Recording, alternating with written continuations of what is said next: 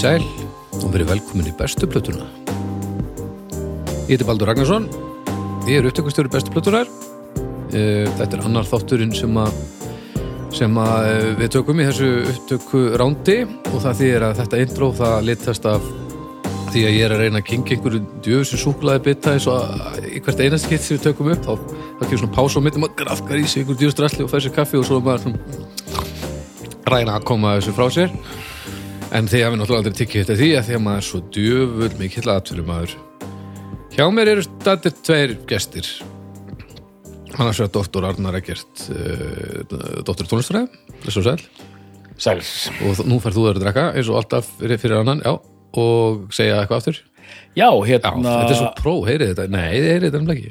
Þetta er, hérna, er, er, er, er frábært, við erum komin í þátt nummer tvö Já. í þessu, þessari upptökulótu. mm Ég er bara hress, já, þú ert uh, ánægð með þetta mjög ánæður, uh, kátur með lífið og tilveruna og tónlist mjög kátur. Pínu, ég við ekki hérna, ég ætla að vera heiðalegur, ég pínu kvíðin fyrir þessu þætti. ok, Ég er aldrei, ég kem alltaf bara veð inn í alla þættinu, sko. Benno, segi ég nú bara mm -hmm. um, Doktorinn hefur tilfinningar. Já, það er, ég held að þú er einmitt að læra að slökka á þeim Það er úti Ég var nú í Edinborg fyrir ekkert löngu síðan og, og skotar er nú ekki í því að slökka á tilfengur sínum nema þá bara mikið leikur undir. Indels fólk, Indi, nei, skotar eru náttúrulega bara indisleir þetta er bara stórkoslegt. og það, þetta er bara hægt. Það er bara hægt að vera svona næs í, í afgræslu störðum, og og svo er fólk hérna eitthvað að grenni yfir því að einhver segir við eh, hvað, eigum þú góðan dag? Ég hef maður ekki segja þetta bara fyrir tíu árum þá við komum til sagt þér að geta mannaskitt þannig að hættu þessu bara. Þetta er bara allt í lagi, þetta skiptir einhver helvitsmáli fullt af ungu liðið sem er allavega að reyna þú hefur ekki reynt neitt, aldrei. Djöfullin, allavega, gaman að sjá þig. Já, herðu, som leiðis. og haukur? Uh, gaman að sjá þig líka. Sömu leifis. um, þú út í stuði. Já. já. Uh, Ég er að eiga góðan dag. er, Ertu ekki að eiga góðan dag? Já. Já, það, það, það gleður mig að heyra ha, það er gott að heyra uh, uh, Þú ert kátur með lífið og tilverinu eins og venjulega Ert þú stressaði fyrir sem þetta? Já, já, já, alltaf. Já, ég held nefnilega kannski að nú, þú verður ekki stressaði fyrir þessu fyrst að doktorinn væri Nei, á ég, nálum ég var frekar rólegur þangað til að doktorinn segðist vera stressaður. Þá, þá fór ég að velta fyrir mig hvort það veri ástæða til þess að vera eitthvað stressaður. Já, þetta er svona eins og að vera í besta bóðhlaupsliði í heimi og svo segir einn eitthvað, að er eitthvað slæmur í öklanum þá veistu bara að þetta er búið. Já. Já, svona er þetta. Já, já. þá bara, ef, ef við ekki bara fara að hella okkur í þessar brunna rústir hérna? Jú, Það held ég ef- bara. það er ágætt ef þið kallar þetta bruna rústir. Við erum að fara nefnilega í svo við erum að fara inn á ríkalegar lendur. Já, þið, þið, í þetta skipti ætla að tala um bestu blötu Celtic Cross. Celtic Cross sem var hérna Ja, á Kel- hérna, hvað sagði ég? Celtic Cross Ég ætlaði að segja Frost Þetta byrja vel strákar. Celtic Cross reyndar, ég væri alveg það var alls ekki besta plata þar en ég hef nú skilið mikið eftir mínu minni eftir það, þannig að þetta er allt í góð ég er hérna nú, það er alltaf inn að fara að glaðna mjög í þau mér haukur, ég held við sem að komast til góðu mál sko. En býtu, Já.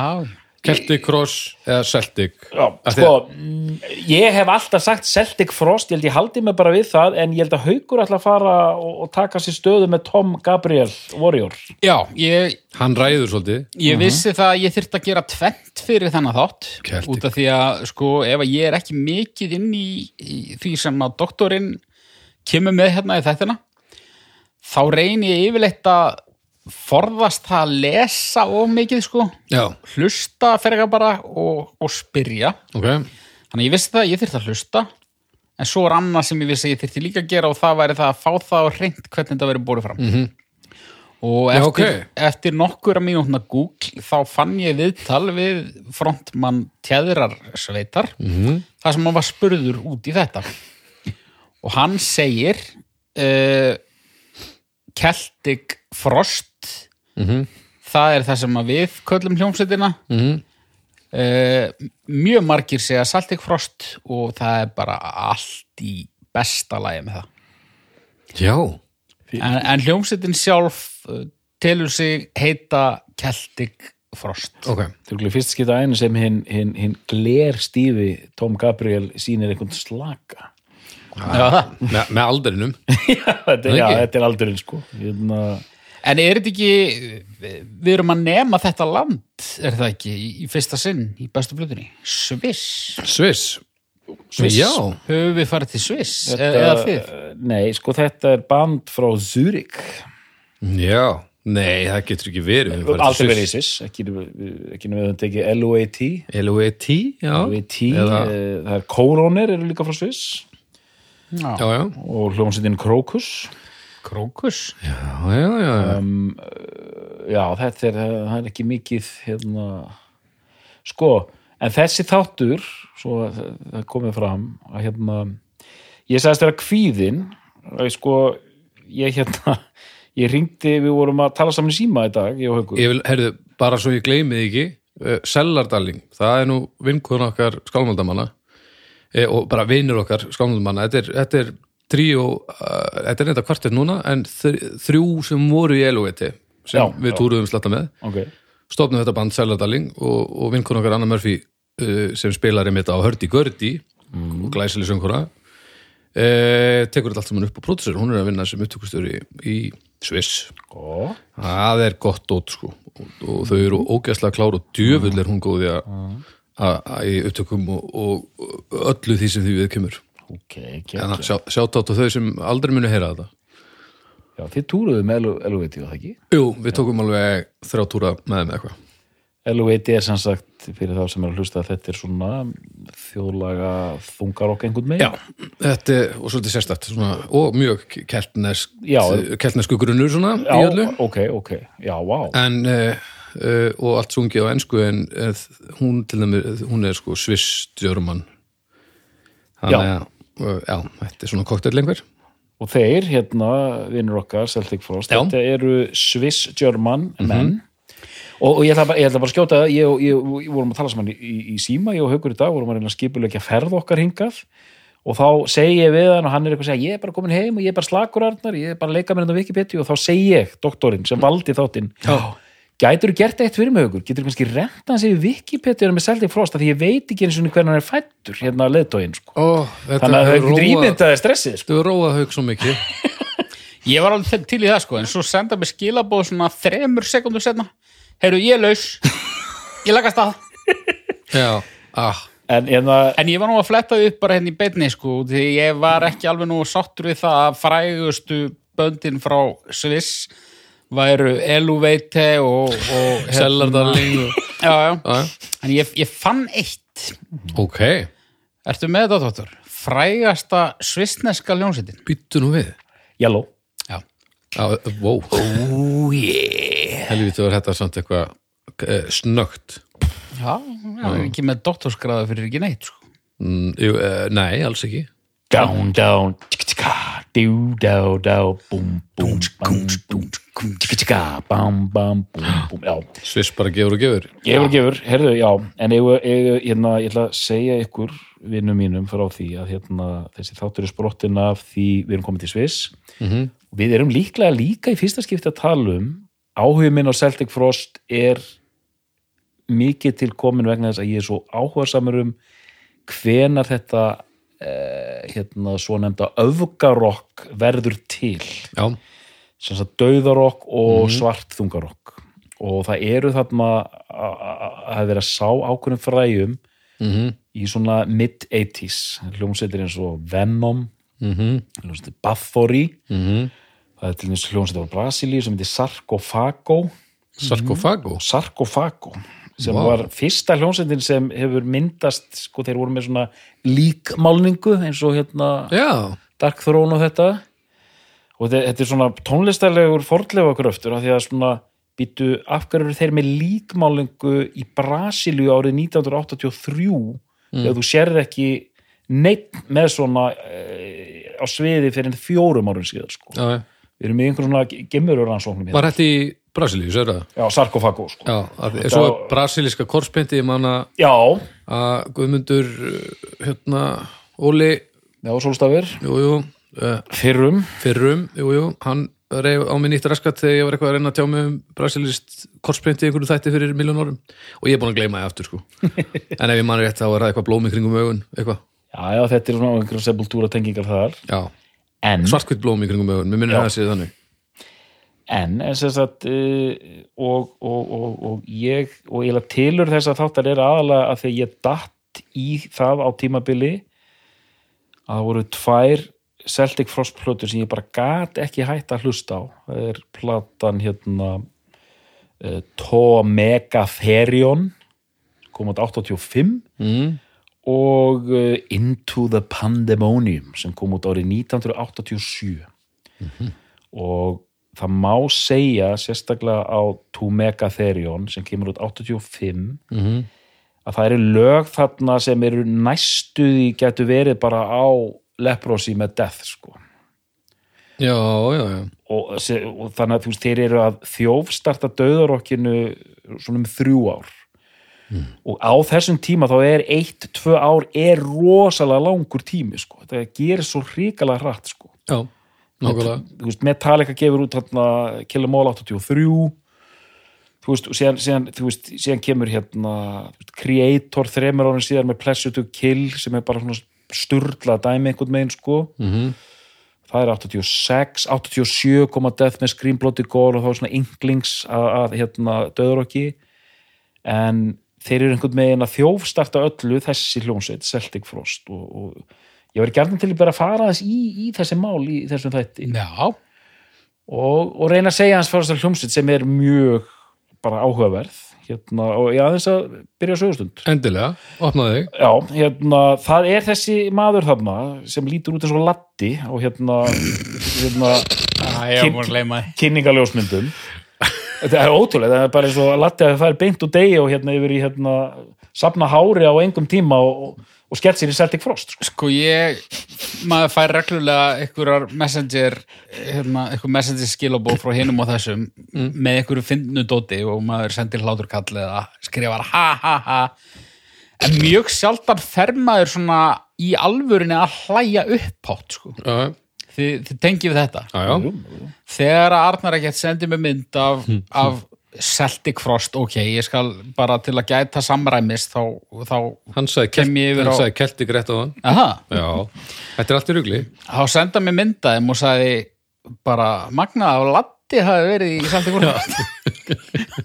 Og ég svona leita á það og byrjaði, byrjaði að hægra megin sko, það voru þrýr og svo miðjan og svo vinstir og þá bara í alvörinni sprakki úr hlátur, bara heima á mér einn því að hann er alveg eins og Latti já, ok, þessi mynd verður að fara inn á umræðahópin Já. já, potið, sko hérna, á meðan þú ert að tala á allir að senda Baldri þessa mynd já, já, þetta er stórkostlega sko. hérna uh, Tom Gabriel Fisser Mhm. og tekur upp nafnið Tom Warrior Mhm.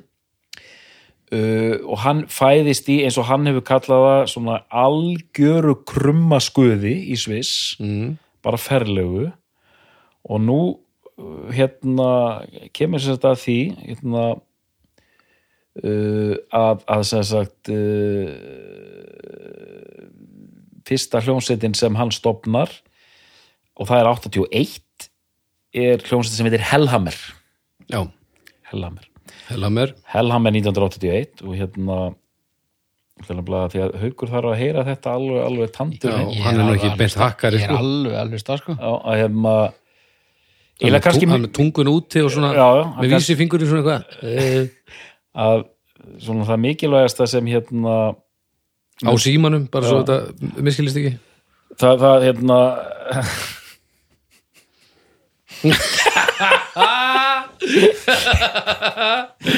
Myndin er komin í hús. er rosaleg þetta er að- wow maður.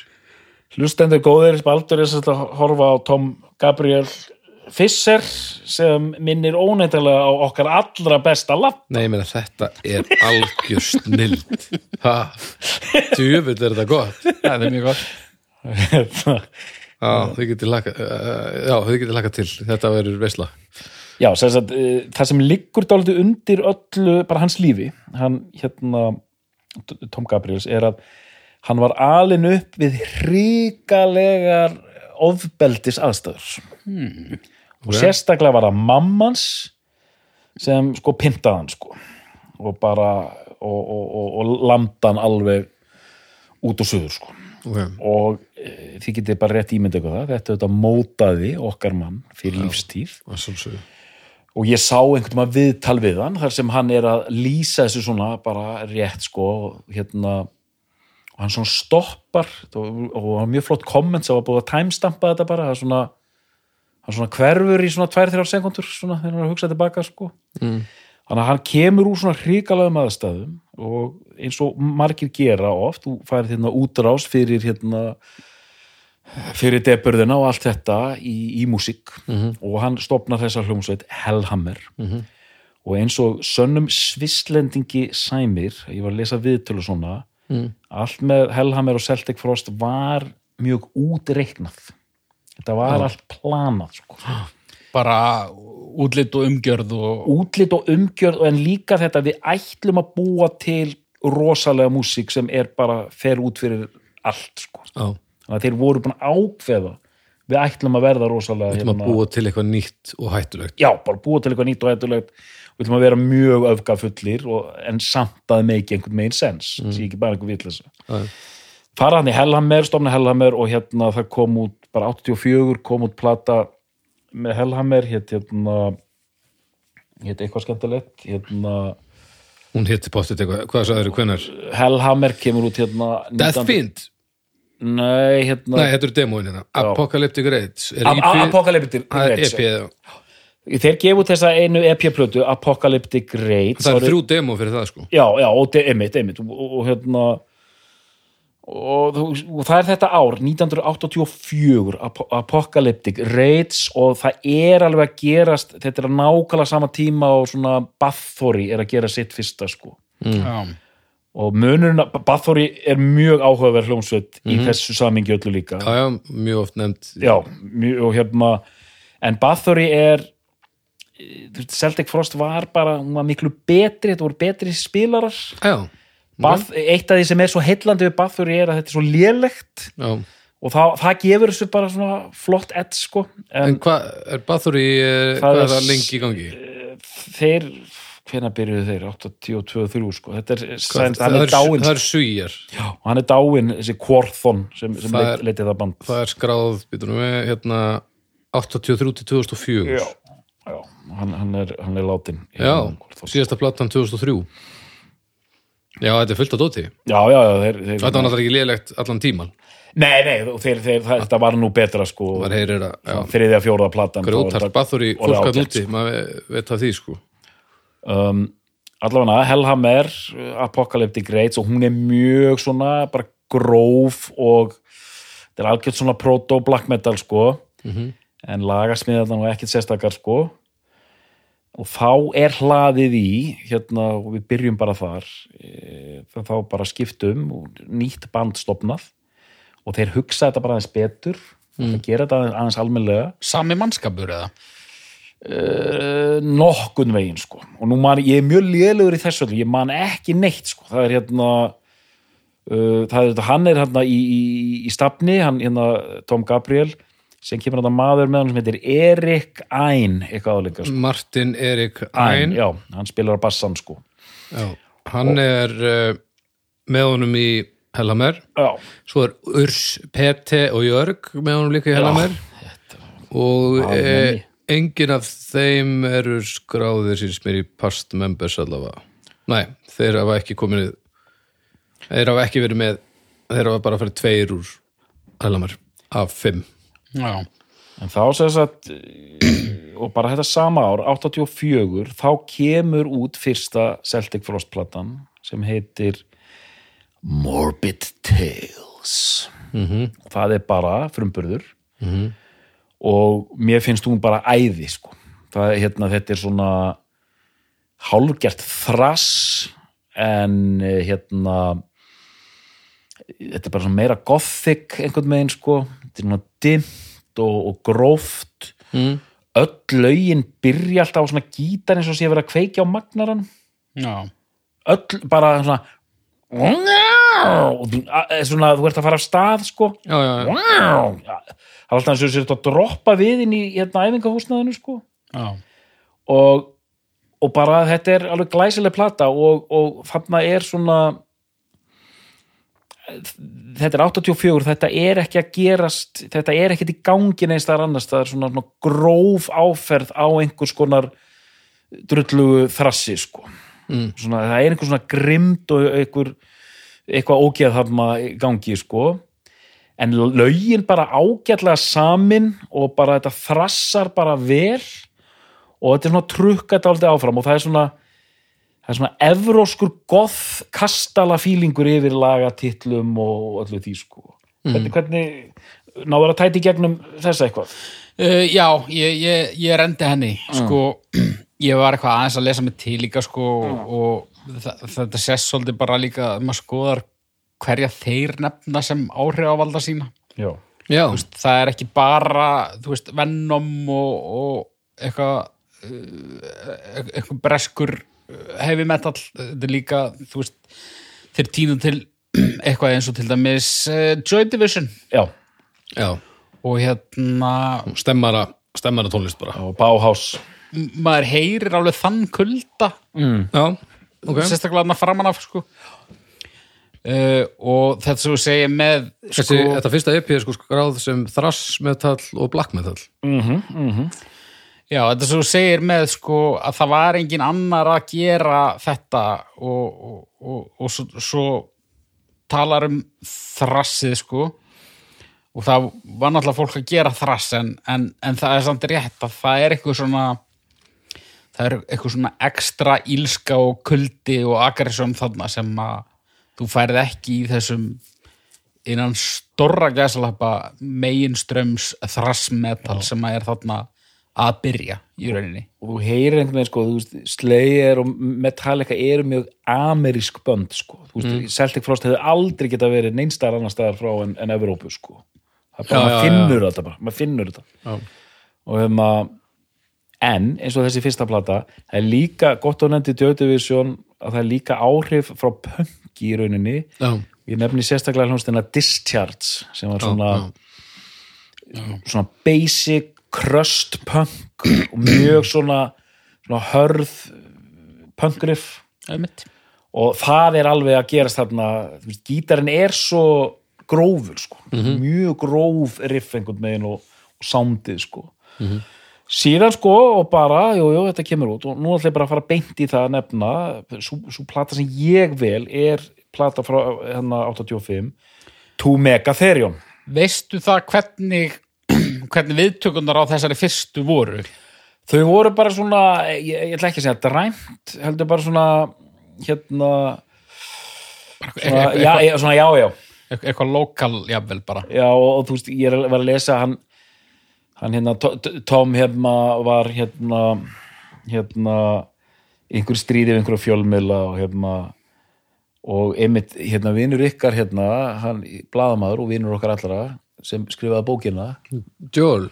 Já, hérna Joel MacGyver Joel MacGyver, hann var að segja okkur sögu við settum sniðum hann ég og, og Bibbi hann segja okkur sögu af Tom Gabriel að Tom Gabriel hefði grafið upp gamlan dóm eftir Joel MacGyver og bara sendt hann einhvern post, hvað á þetta að já, já, hvernig getur verið að tala svona um, um hérna?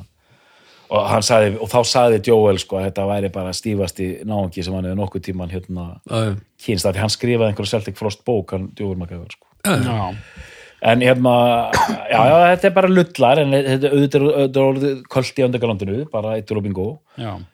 En þá ætla ég að tala um þessa plötu, Two Megatherion, sem hérna, en það er talað um einhverja einhverja uh, 85 útgáfu sem er greinlega lít, EP líka. Já, hérna, Emperor's Return. Emperor's Return, já, einmitt. er það er Það eru lög af, ef ég mann rétt, af Morbid Tales. er já, þarna. tvö lög held ég sem eru gefin út aftur en það, þau eru samt fimm þarna Og þetta er svona, og coverið á þeirri plötu er æði, þetta er svona Lord of the Rings feelingur, sko. Þetta er mjög hérna, svona heavy metal Já. eftir teknumyndasögunum Já, já, já, nákvæmlega, nákvæmlega. svona, svona ef Conan the Barbarian væri brjóstabína Já, og lagatitlanir þú veist þetta þú veist, Emperor's Return og hvað heitir þetta Já, já, Circle of the Tyrants, of the Tyrants Morbid Tales, Death Throned Emperor, Empire. Visual Aggression og Suicidal Winds. Suicidal Winds. Já, þetta er Og við algjörlega erum búin að briljant grenja við verðinu hérna í vettur. Já,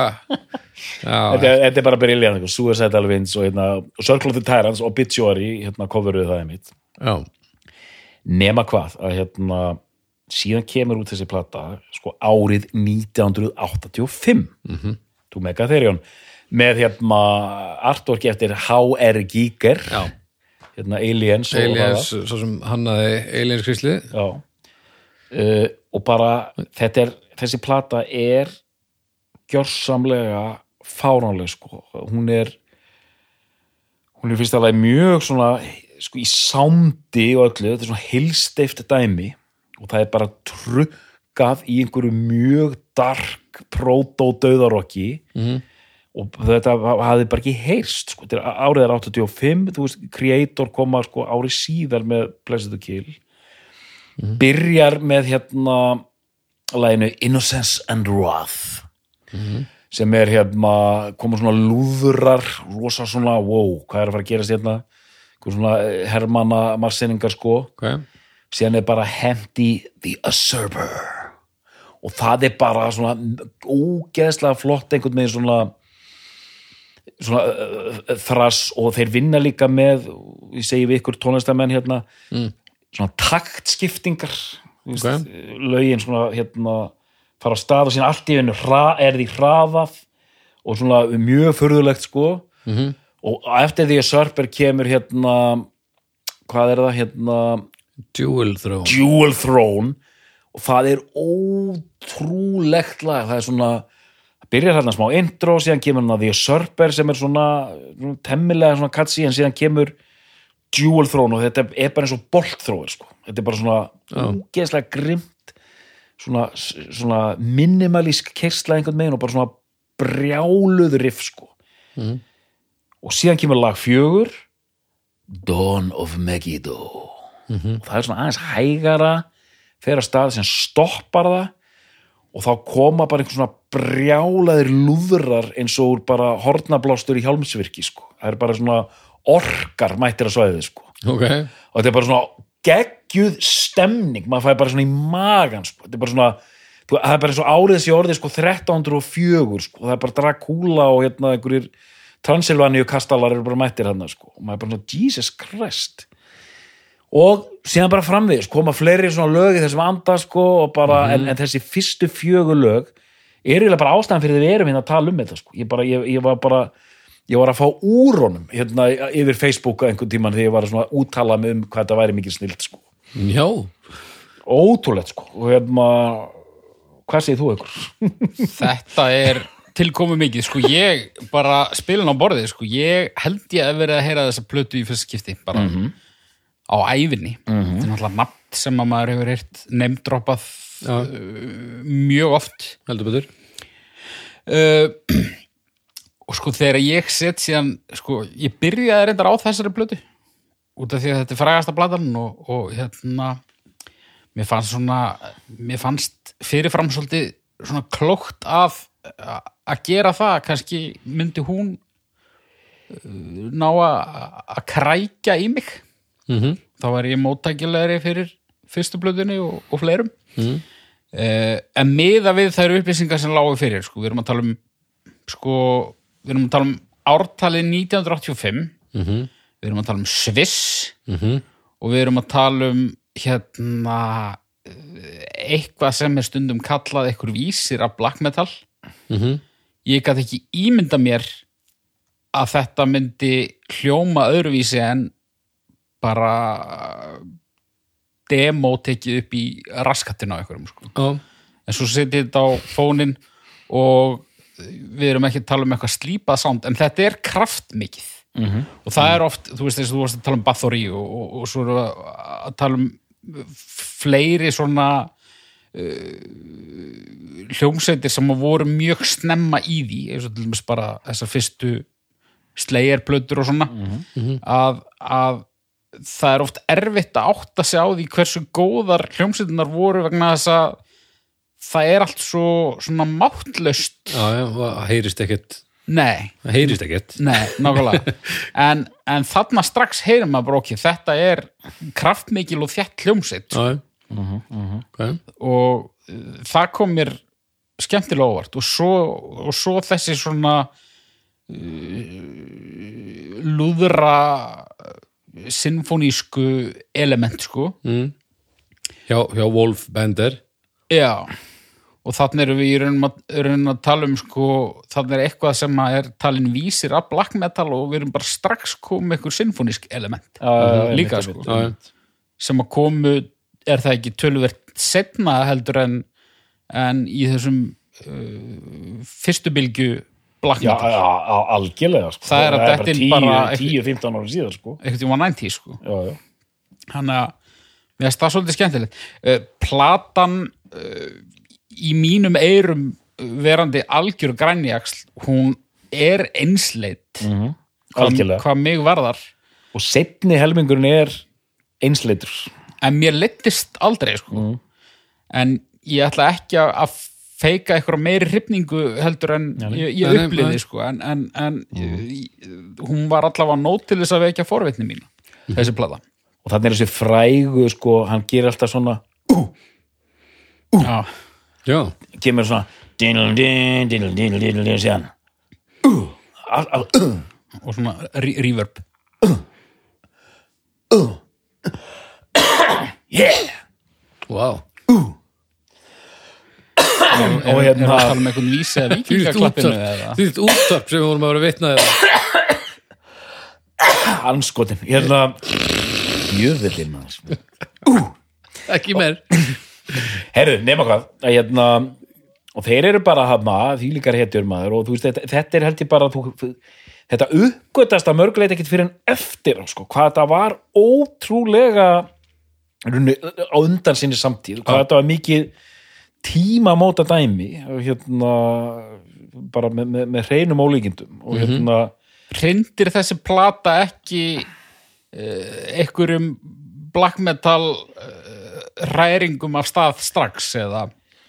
Ég myndi segja sko að hérna þetta er merkilegt sem þú segir sko að, að þeir eru svo en þeir eru líka svo kvikk að hérna, og við komast að því þegar við höfum að tala um næstu plötu sem er þó bara 87 þá eru þeir einhvern veginn komið langt á undan þessu öllu sko. Já. Black Metal liðið var að taka meira frá Hellhammer og, og, og þessari fyrstu Celtic Frost plötu sko. Já. og, og það og, og örugla úr einhverjum öðrum áttum líka eða hvað, ég er af, afburða illa mér í black metal nei, nei, sko, þarna eru þeir þetta bara 85 er eh, Tom hérna, Gabriel komin með hérna, hann er með svona korpspeint á sviði, já, Já. það er bara 85 og ég meina þessar fyrstu alveg Mayhem og, og, og þessar Black Metal hljómsveitir er ekkert að gera neitt fyrir en sko við erum komin í 88, 89 en þú veist, samt það er, þú ert eiginlega komin inn í 90 þegar alvöru svona fyrsta bylgjan er farin að stað. Já, að hérna, eða þetta second wave eins og, eins og sagt er sko, að því að þú veist Bathory, Celtic Frost og Venom, þetta er ekkert black metal eins og við myndum skilgrina það í dag, þetta er allt proto sko Já, já, en, en maður heyrir sko þessa, uh, þú veist, uh, Celtic Frost tala um Venom sem einna áhrifavöldum Já. sínum, Black Metal böndin nefna Venom líka Já. og Celtic Frost Já, já. og þú veist, jáfnvel bara Merciful Fate, já, já, já, einmitt, einmitt, og þetta dótt, en hérna uh, hversu hver, hversu stóran þátt á Celtic Frost í uh, þróun svartmálms?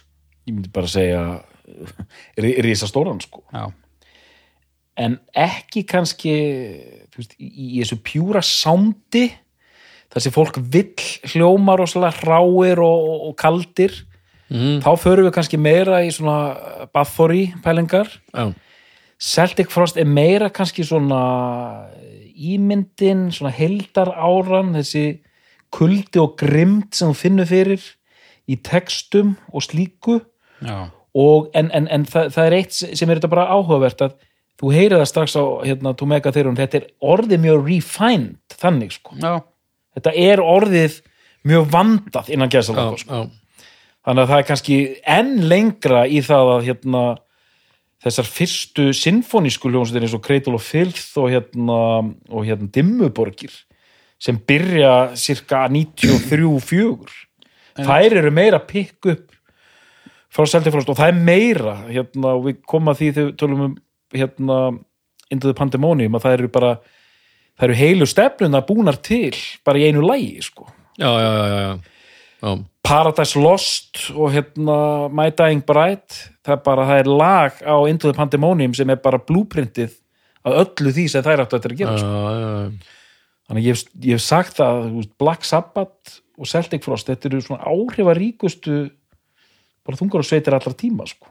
það er bara, þú veist, það er Black Sabbath, það er, þetta bara, það er bara þannig en upp á allt svona extreme metal, þá eru Celtic Frost með ansi marga svona mjög margt sem er leitt leitt frá þeim sko. En, en tökum hérna, bara að því að ég veit að haukur hérna við förum bara í the Pandemonium sem kemur út 87 Mhm. þá einhvern veginn, og ég var að lesa viðtalið mitt sko, hann var að tala um Tom Gabriel og okkur langaði hann segir, að, hann segir, Tom Gabriel sjálfur segir the Pandemonium sé besta platan. Hann sagði þarna voru við bara toppa hérna sköpunarlega, þarna voru við loksins orðið nægilega góðir til að gera nákvæmlega það sem við vildum og platan byrjar á fólk er enn að klóra sér hustum yfir þessu byrjar á coveri á lag sem heitir Mexican Radio. Og það er svona lag eftir svona nýbylgju punkljónsitt sem heitir hérna hérna hvað heitir þér aftur? Hérna já, nú datta út. Uh, nei, hérna Kom minna það aftur bara? Já, já, kom inn á það aftur. Hérna, þetta er sagt bara svona New Wave lag Já. Mexican Radio. Hérna er, er, er þetta dett inn? Hvar er hún, segir, hvar er þetta? Þetta er 87 hérna, Það er einn hérna á milli, já. Þetta er fyrsta. Það, Mexican Radio er, er eh, Wall of Voodoo. Wall of Voodoo heitir bandið sko. Þannig að þú veist það er auðvitað að vera að fylgjast með Celtic Frost og allir að býða eftir næstu plötu hei, hvað kemur, þá bara kemur byrjar hún á einhverju coveri á, á eitthvað svona hérna nýbylgjulag sko mm. og bara ágætt sko en þessi plata er í rauninni allt öðruvísi heldur en, en hérna, ég var að segja kannski yfir til þín haukur að ég tala svo mikið sko. Ég var þessi plata grimmið svolítið sko. Ég hérna náttúrulega bæði átti alls ekki von á, á þessari þróun og, og hvað þá svona bara strax í kjölfar þessarar plötu sem að uh, óurlegu þarna Já en, en það er uh, það er greinlega mjög meðvitað bara svona, þú veist við veitum alveg hverju þið eigi vona og við ætlum ekki að, að gefa ykkur það einmitt, Mm. og einmitt. svo fer plata bara um ansi víðan völl og bara Já. út í uh, bara eitthvað svona elekt elektrónik bara svona, svona 80s synthapop industrial feelingur. industrial, já, svona Hún er skráð hérna sem avantgard metal, extreme metal, symphonic metal, gothic doom og thrash metal. Hún er, hún er alveg út um allt sko. Þetta er þokkalegu listi, maður. En, en þrátt fyrir uh, tiltölulega lítinn heldarsvip og, og hún er mjög svona út um allt þá, þá er þetta allt svona nærði að vera fyrir eitthvað skemmtilegt sko. já, já, okay.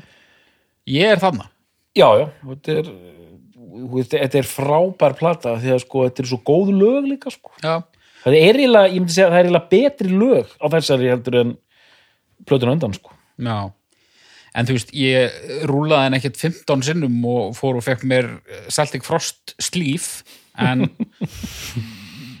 hún veitti mér ánægju og ég hlustaði á hana tvisar held ég og þetta er skemmtilegt þú ert ekki búin að húðflóra einmitt, Nei. Celtic Frost. sko, já þetta er rétt, sko, þannig er, þarna- þarna er lag eins og hérna, Tristeste Luna það er bara sungið á konu allan tíman hmm.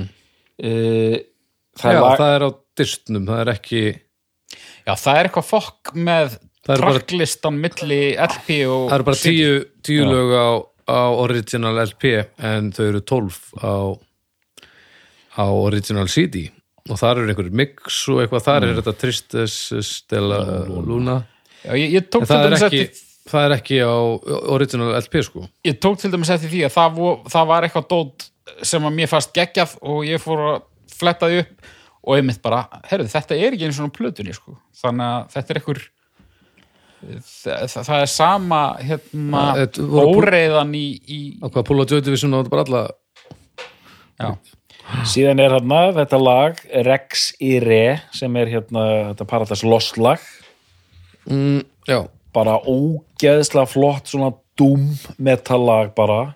Ok. og rosa svona hægt og þungt og geggjaðir strengir með það er svona poppaðri lögana líka sko og síðan svona hefbundið hérna trukk og bara einmitt alltaf gerast einhvern veginn en hún er ekki hún er samt, hún, ég myndi ekki segja hún var svona losaraleg samt. Nei, nei. Þetta er bara svona, svona, svona sjáu hvað við getum, sjáu hvað við erum að gera og við ætlum bara að búa til smá pop og við ætlum að búa til smá industrial og bara fo fokkaðu þér sko. hún er hugrökk. Hún er hugurökk, já. Hvernig tók mannskapurinn í þetta? Ég, ég, ég fletti því ekki upp og ég get ekki ímyndað mér að, að allir hafa verið ánæðir Nei, sko, en samt sko, ég, ég held að sko þegar þú gerir svona, er bara að þróa þig frá plötu til plötu og Koroner, hérna, sem voru eins og rótarar fyrir Celtic Frost, gerðu þetta líka, það var engin plata eins og hérna auðvitað vildi einhverjir fá þarna ég, ég, ég þekki ekki reviewin en hérna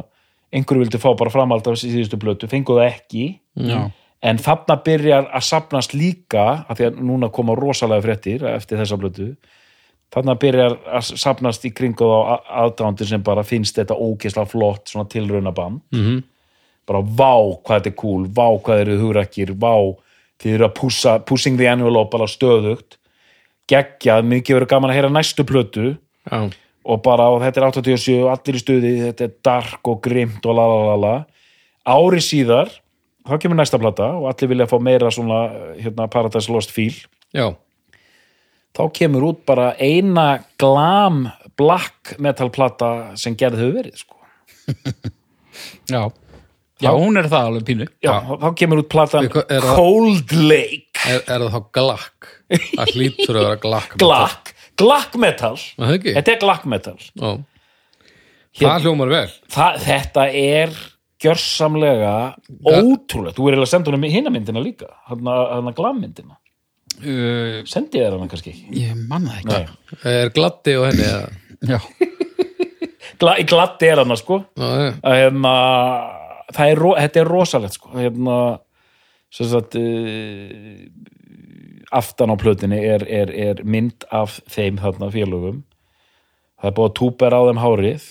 Jú, ég held að það samt mér Já, og þeir, þeir líta út þeir eru svona pínu óvissir á svipin bara hvað eru að gera hérna þeir eru svona svona bastard uh, börn, Guns N' Roses og Mötley Crüe. Var ekki einn ber og ofan Já. með axlabönd? með axlabönd, þetta var, var gjörsanlega absúrt sko. Og svona hálfgett svona beehive á hausnum? Já, og bara og fyrsta lagið heitir Seduce Me Tonight. Já, og þannig að þetta er svona einhver ótrúlega skringilegur sambræðingur af uh, black metal og, og, og glisi og platan var bara, það var allt brjálað. Já, já, já. bara hvernig dyrfist þið sem er að búa til ógeðslega flotta framsækna avantgard metal að púla bara hérna mötlega krú þetta er bara ekki lægi sko. Og ég er svona að hlusta hana á þessa plötu hún er ekki í neinum diskografíu sko. Hann hatar hana hann, Tom Gabriel. Ok. Hatar þessa hérna, hérna plötu bara Ok. á á öllum lífs og sálakröftu já, þess, Já! ég var að fá myndina. Vel spilað! Þetta er rosalegt. Þetta er með ólíkindum. Þetta er flip. Er, það- er það flip? já, Heldur þeir séu að djóka? þeir eru að já, black metal. Þetta er, þetta er pínu flip. Þeir, þeir, ég er að lesa hérna aðeins hvað Tom var að segja um þetta eftir á sko. Já, og annars, þú veist, þeir ætlu að fara aðeins meira mainstream til Já. þess að fá meiri hlustun. Já, já. Og hann segist að hafa verið aðeins og gert ná að, að sleppa af sér beislinu, hafa bara gaman að þessu. Já, sleppti svolítið tökin á efninu og mm. pródúseringunni og leiði öðrum að komast að og svo var einhver sem að er hérna einhver Tony, hver er það? Tony, á, Tony Platt sem greinlega pródúseraði blöðuna þeir halda í hann af því að hann er eitthvað nafn sko. Og hann tekur pródúksjunna í eitthvað, eitthvað rugl. Og þeir þeir sem sagt uh, rekk hann ekki af því að hann er nafn og þeir vilja vera með nafn á plötunni til þess að þetta verði eitthvað. Og þeir, og hann segir þetta sjálfur og þeir eru á þessum punkti ekki búin að átta sig á legacyinu sem að þetta band mun eiga. Já, já, þannig að þetta var ekki jafn hátilegt fyrir þeim at the time sko. nei, nei, nei, nei en svo segir hann eftir á uh, Tom has also said it was the guess absolute worst I could do in my lifetime. Já, he also called it an utter piece of shit and possibly the worst album ever created in heavy music Súma aðeins inn á hann á þessari mynd. Hann, hann er hérna þriði frá vinstri. Hérna er hann ekki eins og hvernig, latti hvernig er hann ekki annar frá hægri en allavega? Hérna er hann ekki eins og latti heldur eins og bívis Jöp, Tjekka því. Hann er rosalegur. En það er náttúrulega hvað er að gerast á þessum mynd? Hvað gerðist þetta? Heru, við setjum þessa í, í umræðahópin einnig. Þetta er, þetta er, þetta er til Jöfull er hann með opna buksnaklöf þarna með opna búð eða, opna búð. Já, þetta er nú ekki, þetta er nú ekki merkileg upphaf fyrir þessi blata en, en forvitnileg. Já, er ég ætlaði einmitt að segja að hérna, það er að þetta er, að því vorum að tala um það í síðasta þætti hvernig, vorum að tala um hann að Lost Highway. Að hérna, hún er e- e- ekki af góð og fólk vil afláta þessi plata er ekki eins slæm og af er látið sko. Það bara, nei, það fer strax af stað að þetta sé ræðilegt bara því þetta var sagt, þetta bl- black avantgard metal Þetta ég hlusta á þessa plötu, það eru fín lögana, fín riff, fínt hérna flow sko, Já, já, en það er eitthvað svona glískrydd á þessu sem e, hljómar bara astnalega Já. Seduce me tonight, þetta er bara svona hvað er þetta, what are you playing at sko? já, já, og þetta er alls ekki jafn slæmt og hann lýsir sjálfur sko. Nei, það er alls ekki sko, hann hérna og síðan hérna en þeir eru villur ávandi það, villur áandi og þeir loka og hann hefur talað um það, þeir loka sen með plötu sem var svona tilraun til að komast aftur upp á hestin Vanity Nemesis. Já, Þannig að 90 hún- bara á slæginu 90 og, og albumcoverið það mjög tímalöst Þetta er, þetta, já, þetta, er dásalegt sko. og svo plata er, hún er andlus Já, þetta er svolítið svona Celtic Frost í einhverjum svona sjálfvirkum gýr já, en, hlutlösum gýr sko. Já, ok. En já, en svona allt, eh, allt í lagi sko í lagi. Það er talað um að að uh, hvað, Modern Reviews see this album as a return to form compared Já. to the band's previous album. Cold Leg but contemporary critics panned it. Já, hann sjálfur, hann er greinlega mjög sko, hann er ekki ánægð með þetta. Hann segir bara, hann sagði sem er svolítið góða punktur á hann, hann sagði við ákvæm að gera bara straight þungarásplötu mm. En hann sagði Celtic Frost er ekki straight band sko, það er bara það virkar ekki, hann, hans hans pæling með Celtic Frost er into the pandemonium sko, hérna, já það er það sem hann vill gera sko og, og, og ég væri ógeðslega til í að þessi hljónsitt hefði átt þannig feril sko. mm. svona þegar ég uh, horfi á þetta blákalt sko. hérna, To Make a Therion er, er eins og áður sagði ég, ég, mér fannst hún heillanda mörgu leiti sko, en, en ég kveikt á perunni þarna í Pandemonium og ég hefði viljað sjá uh, nokkrar í viðbót þannig sko. Mm. og ég held þeir hefði geta farið uh, miklu lengra með þá pælingu sko. svo fór náttúrulega að mynda stemning fyrir svona maura síru Memphis hann hérna og síðan bandið hættir, hann stopna band sem heitir Apillion Sun sem gefur út svona industrial metal árið 2000 sem er ekkert sérstakur. Já, um, síðan snýr bandið aftur Celtic Frost og gefur út plötu árið 2006 sem heitir Monotheist. Ó, ok. Hún er all svakaleg sko. Monotheist. Monotheist uh, Monotheist já. Monotheist hérna, Það er ekki mono svistnest eða? Ó, guð Æ, hérna ok uh, ég, 2006. ég þarf aðeins að komast inn aftur sko monoþýst hérna Þetta er svakalegt cover já, svakalegt sko hérna hann hefur sagt sjálfur hann, hann, hann, hann- hann Tom Gabriel að hann segi þetta er plata ég hefði viljað halda áfram svona. Hann segi næsta plata á eftir Into the Pandemonium hefði mátt vera meira í þessum anda þá hann hefði aldrei gert, geta gert þessa plötu þá. Þannig að en þetta er 2006 og þetta er hérna ofsalega grimm kersla og bara svona wow. Þetta er alveg flott stöf sko.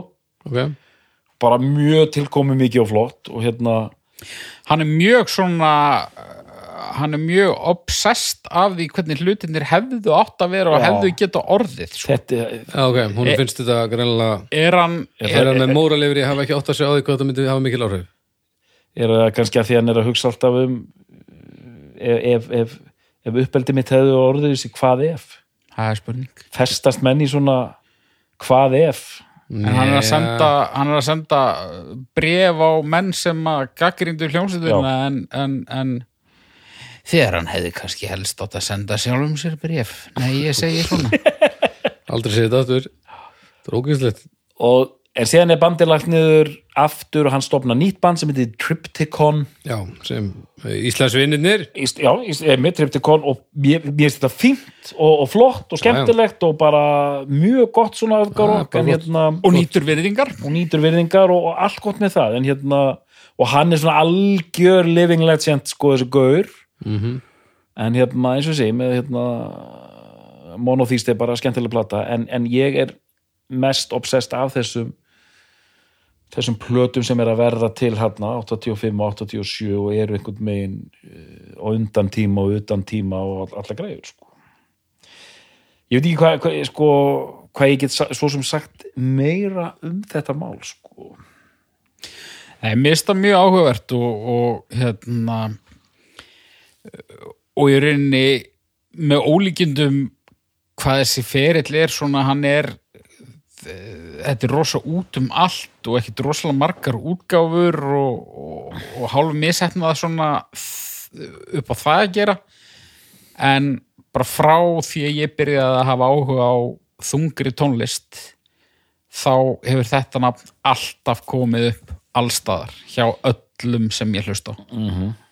Í, í mismiklu magni. Þannig að þetta hefur haft áhrif mjög víða ekki bara inn í black metal heldur inn í, í, þrass og, og bara allan metal verið stöðra þetta er bara nafn sem er sér nánast jafn oft uh, minnst á og, og Judas Priest þegar hetjunum hans er að, að tala um sínar hetjur sko. Já, og þetta er svona einhver svona hold state en, en til þess bara ég, ég er ekki áttamáði hvað þetta lifir bara til þess hérna á Íslandi það er þetta þungaróks samfélagin á Íslandi.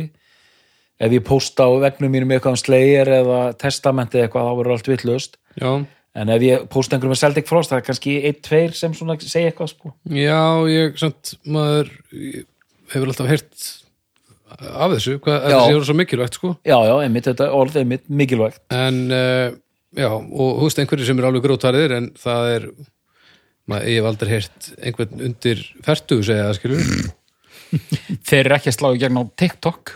Nei, ég held það ekki. Eða triptych talk eins og þau kalla það sannlega. já,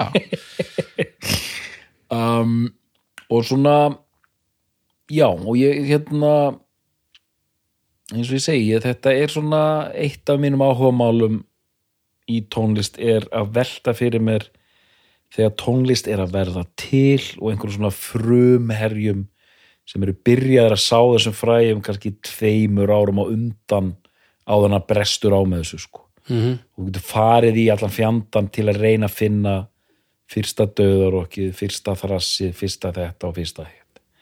Dýrk upp eitthvað lag, einhverju Judas Priest plötu og bara, wow, hvað þetta er þungt og árið er bara 77, sko.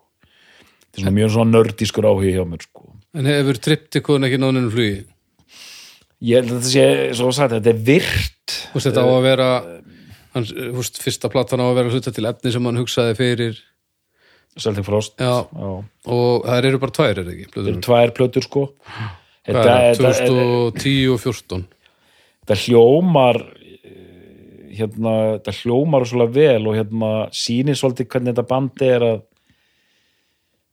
í rauninni monoþýst er miklu íktari plata heldur en nokkru sinni hérna, það sem þeir gerðu þarna í 80-sinu sko. Þetta er rosa svona modern svona þungar og mjög hart og kvast og bara svolítið, svolítið brjálað sko. Mm.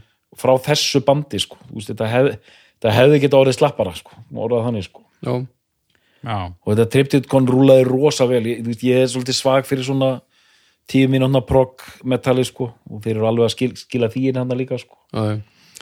en ber Celtic Frost ábyrð á bara sinfonísku metal bara heilt yfir? Ég myndi, bara, ég myndi segja já. Það er ekki nógu gott sko. En ok. Þetta er svona mjög svo skemmtilegt bönd svona, þú veist, og kraftverk já, sem bara bara á Trans-Europe Express þá bara bygguðir til svona industrial músík bara Já. með þarna metal og metal.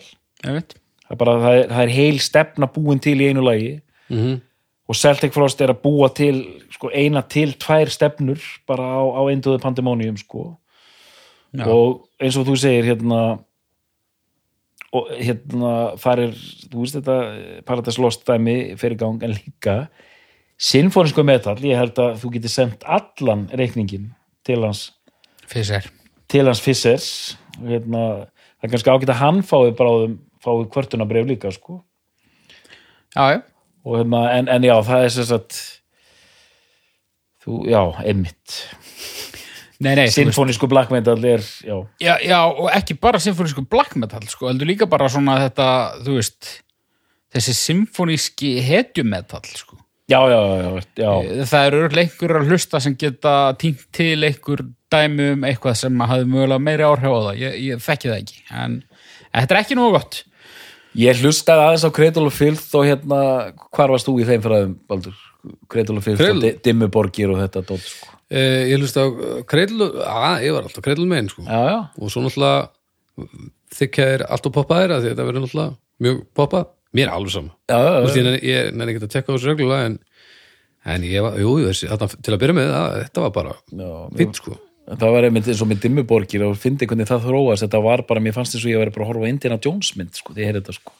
Það Já. var bara svona einhver svona, hérna það var bara svona einhver svona kvikmyndamúsík, sko. Já, ofbúslega symfónist náttúrulega Já. og hérna, uh, en já, en uh, ég hlustaði náttúrulega svo sem meira á kreidlu þegar þetta var ennþá það framalega, þetta var nú ekki þetta vorum ekki komin í, í sinnfótum þetta var svona krúltíðin býst. Stammarinn, mér það bara fínt. Ánæði með þetta? Já, En ég, hérna, að því vorum að tala líka um að því ég nefndi það hvernig, hvernig hann hefði nú verið alveg uppgreiði drengurinn sko. Að hann talaði sjálfan það einhverju viðtali bara að, og mjög alvarlegur í bræði að hérna það sem hann var að semjum og það sem hann er að gera er byggt á bara og rosalega svona, þetta hljóma kannski hálfárunlega, byggt á raunverulegum sársöka sko. Já, hljóma kannski hjákallega en, en svona, en það er ágætt svona að þú veist að það er bara svona skemmtur maður sem fer inn og, og, og fer að búa til þess að glæsilegu músík sko. Og hérna ég bara velta fyrir mér svona tengslum, hver ertu og hva- hvað skapar það síðan, já, er einhver skil á milli eða, eða ekki og skiptir það máli sko Mhm. þú veist, Það, það hljómar er ekkert hjákállega nema þegar maður fer að taka inn í myndina, þú veist, hérna uh, þessa orka og, og allt þetta umstangi kringum þetta sem Já, er já. svona uh, sem er eins fjarr einhverju svona persónulegum mannlegum harmi og maður getur hugsað sér sko. en hérna og þeir eru einmitt sko, fljótir að verða veist, þetta brjálað er kannski bara á svo hellhammer stöffi en um, strax á Tumega Therion þá einmitt er komnir þessi lúðurar og, og, og, og það svona þó að þessi gróf riff og allt svona þá er þetta samt fáað sko, er fyrirlegt sko. Já, þetta hendin einhverjum hérna, lúðurum þarna þá, veist, þetta er bara orðið útöksað sko. Og þá komið inn einhvers konar hérna meira skáldlegt sko skildi maður ætla sko, þetta er ekki pure pain þetta er bara að vera að búa til hálfgett sinfonist hérna þungarokk hérna sko. Og þú veist, mikil þörf fyrir að vera framsækin og búa til flott, flotta músík og svona og, og, og þennja þetta einhvern veginn áfram sko. Og þetta er ekki þessi svona symfóníski ostametall sko. þetta er svona mér datt oft í hug bara það sem að hérna, Behemoth hafa verið að gera. Þú veist einmitt hvernig þeir hafa verið að nota brass og svona. Þetta er þetta svona ítir undir ílskuna eitthvað einn já, já, já, já. Nei, gott dæmi, eins og Behemoth hérna, það er mjög Celtic Frost derived hljómsveit sko. Já, það kemur ekki á orð þetta er alveg bara, þú veist, þessi lúðrætnir hérna og, og svona e, það ambiens allt sko, ég var að horfa á myndskeið þar sem Celtic Frost er að spila í Japan. Mhm. þá heimsækja þá baksviðs hérna japanska Hellhammer tributebandið Galhammer. Mm. þrjár japanskar stúlkur. Já, sem bara spila sínar útgáfur af gömlum Hellhammer lögum Já. 84 Only in Japan. Já, ætli þessi ætli þessi að fylla leikvanga? Maður En sko, ég var eitthvað hérna, að skoða það Due to the internal conflict within Celtic Frost hann sagt hættir í bandinu Já, út af innri spennu 2. já. april 2008 og það, en það er eins og hann hafi hætt og svo þá hafi bandið bara lagst á hliðina já, Sérst, hann hefur ekki verið það sérst, aðalaflið sem bara la, laði þetta á hliðina hann hættir í bandinu og hinnir geta ekki gert þetta sjálfur þá. já, hérna tala um Tom já, Tom Já. hættir í bandinu Já, þá, 2008 þá er þetta bara búið sko. út af einhverju spennu. Já, hver er að semja þetta? er hann að semja þetta einn eða? Nei, ekki allt.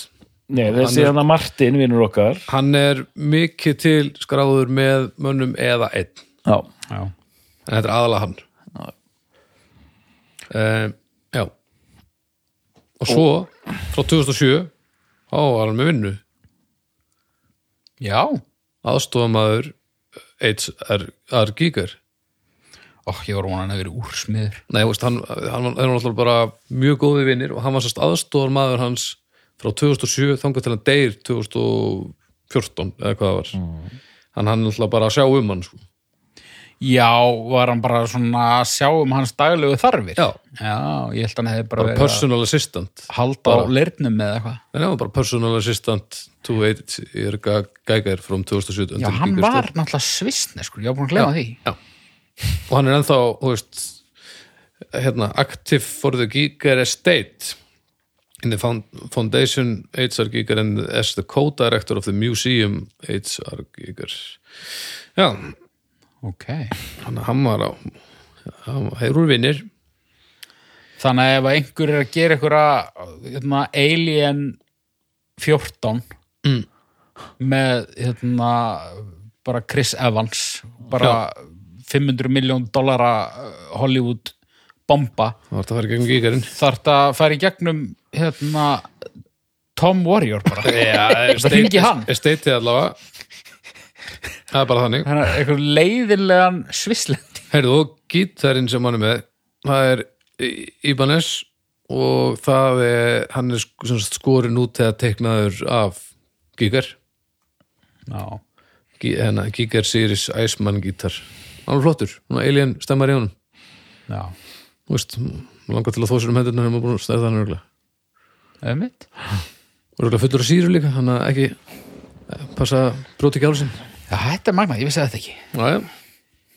Svona Megan og hann segist ekki drekka, reykja eða taka eitthvað líf nei, þetta er því líkur tappi sko. Hérna, og ég er undarlegt sko, ég var að sjá svona viðtölu en hann, hann brosir og hlæir og allt þetta og, og svara stundum alveg í löngu máli og er alveg opinn með einmitt mm.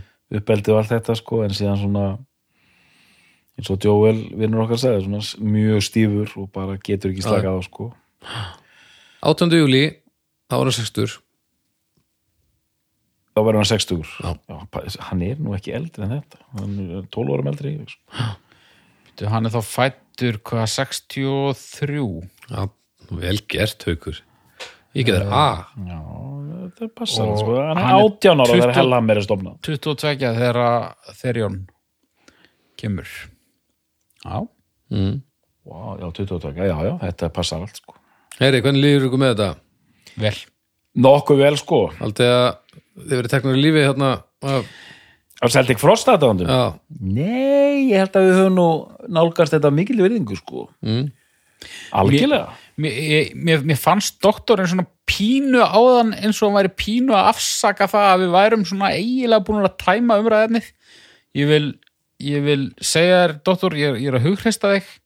Mér finnst bara flott að taka stundum bara mjög afmarkað bara þessi plata, ég fíla hana ógeðslega vel og ég er ekki droslega mikið inn í öllu hinnu. Nei. Þetta er bara flott og mér finnst gaman að þekka þess hlust loksis Þetta hérna Ég fann það að þetta yrði einmitt svona þáttur sko. Koncentreraður þáttur á eina, tvær plötur og bara pælingar um fæðingu þessa þessa blessa augaroks og þessa áhrifasveit sko. Og það er bara þannig sko. Mhm. einmitt, ekki endalus upptalning á okkur tímalínu hérna, þetta og þetta og þetta sko. áður við fyrir mig uppgjör langar mig bara út í að þetta er þetta er, hérna, þetta er þungarokks þáttur þessi tiltekni þáttur.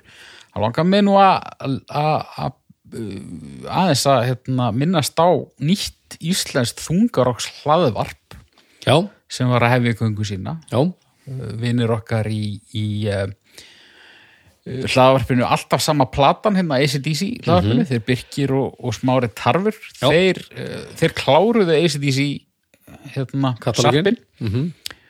en uh, eru ekki hafa ekki sagt sitt þess að þeir eru komnir með nýtt hlaðvarp Mhm. sem heitir Stokkið í eldin Jöp, og það er svona bara almennt þungarokks fjás. Komnir tveir þættir þegar við erum að taka þetta upp og þeir eru báðið mjög skemmtilegir. Þannig að ég bara hvet þungarokks unnendur sem eru að hlusta á þetta Mhm. að gefa því gaum. Ég, ekki spurning Hendla sér í þetta. Já, Þar eru menn með þekkingu að, tala um það sem er hafa gríðalega ástriðu fyrir. Já og, og, og jáfnvel þó að einhverjir séu að hlusta hérna sem eru ekki miklir þungarokks Já. unnendur þá, þá eru Birkir og Smári þeir eru nógu skemmtilegir til að þeir, þeir gætu verið bara bara að lesa eitthvað review á Amazon um heimilistæki. Og það er þau örgulega ekkert leðilegt sko. Nei, það verður glæðis Tekja á því. Ekki spurning. Eh, Þá fyrir við í uppgjörið. Mjög gott. Já. Við skulum byrja á þér högur Uh, góðsagnakend hljómsveit sem ég þekkti einungis að nafninu til uh, fekk hér tækifæri eða við skulum segja fekk bara sparki í rassin til að- tekka á henni. Er ekki alveg hugfangin af þessari líkilblötu þeirra uh, og doktorinn en var mjög hrifin enga síður að, að kraftinum og, og svona þessari frumkvöðla uh, stefnu sem að þeir eru með þarna á þeirri plötu. Ég var hrifnar af plötunu á eftir Into the Pandemonium sem mér fannst spennandi og, og, og fersk. Og það er plata sem að ég mun hlusta á aftur. Mhm. bara takk fyrir mig. Dóttor? Já, sem sagt uh, eins og hefur komið fram þessi þáttur fættist út frá mjög ákveðum vinklum og hérna ég uppliði tímabil þar sem ég hlustaði á þessar tvær plötur sérstaklega Two Megatherion bara af miklu afli og aftur og aftur og aftur og var gjörsamlega hugfangin og heila þvegin af þessu. Og hérna og bara bara fannst bara þetta hugmyndaflög og að vera að gera svona gróft efni svona langt á undan sinni samtíð bara með algjörum ólíkindum og hérna þannig að mér langaði til að bara kommenta á þetta mál í, í, innan þessa þáttar. Og einmitt og velta líka fyrir mér eins og við höfum gert hérna þegar, þessi, þegar þetta dæmi er að fæðast með Bathory og Venom og öllu þessu dótari. Uh, og ég er mér finnst Into the Pandemonium frábær en ég er svolítið heillaður af uh, hvað hún er strömlínu löguð þarna To Megatherion Mm -hmm. og líka dálítið hrifin að því hvað hún er snemma í, í ferlinu og ég set hana á bara nokkuð reglulega það er svona, því ég er að kera mig í gang og, og vill fá yfir mig einhvern anda sko, þá er ég mættur hérna upp að hjálmsvirki og hlusta þar á hornablásturinn og leiði honum að hérna baða mig. Mm og, og bara þetta fáránlega evróska barokk fíl sem er í þessu er bara, eh, þetta er ótrúlega sko. Og hérna þannig að þú bara hvet hlustendur til að tjekka á þessu, vilja komast í svona, svona DNA hérna extreme metal, þá er eftir mörga slægjast þannig Þannig að Doktor Er þetta besta plata Celtic Frost? Já, Haukur, er þetta besta plata Celtic Frost? Nei. Við þakkum fyrir í dag og við heyrumst að viku liðinni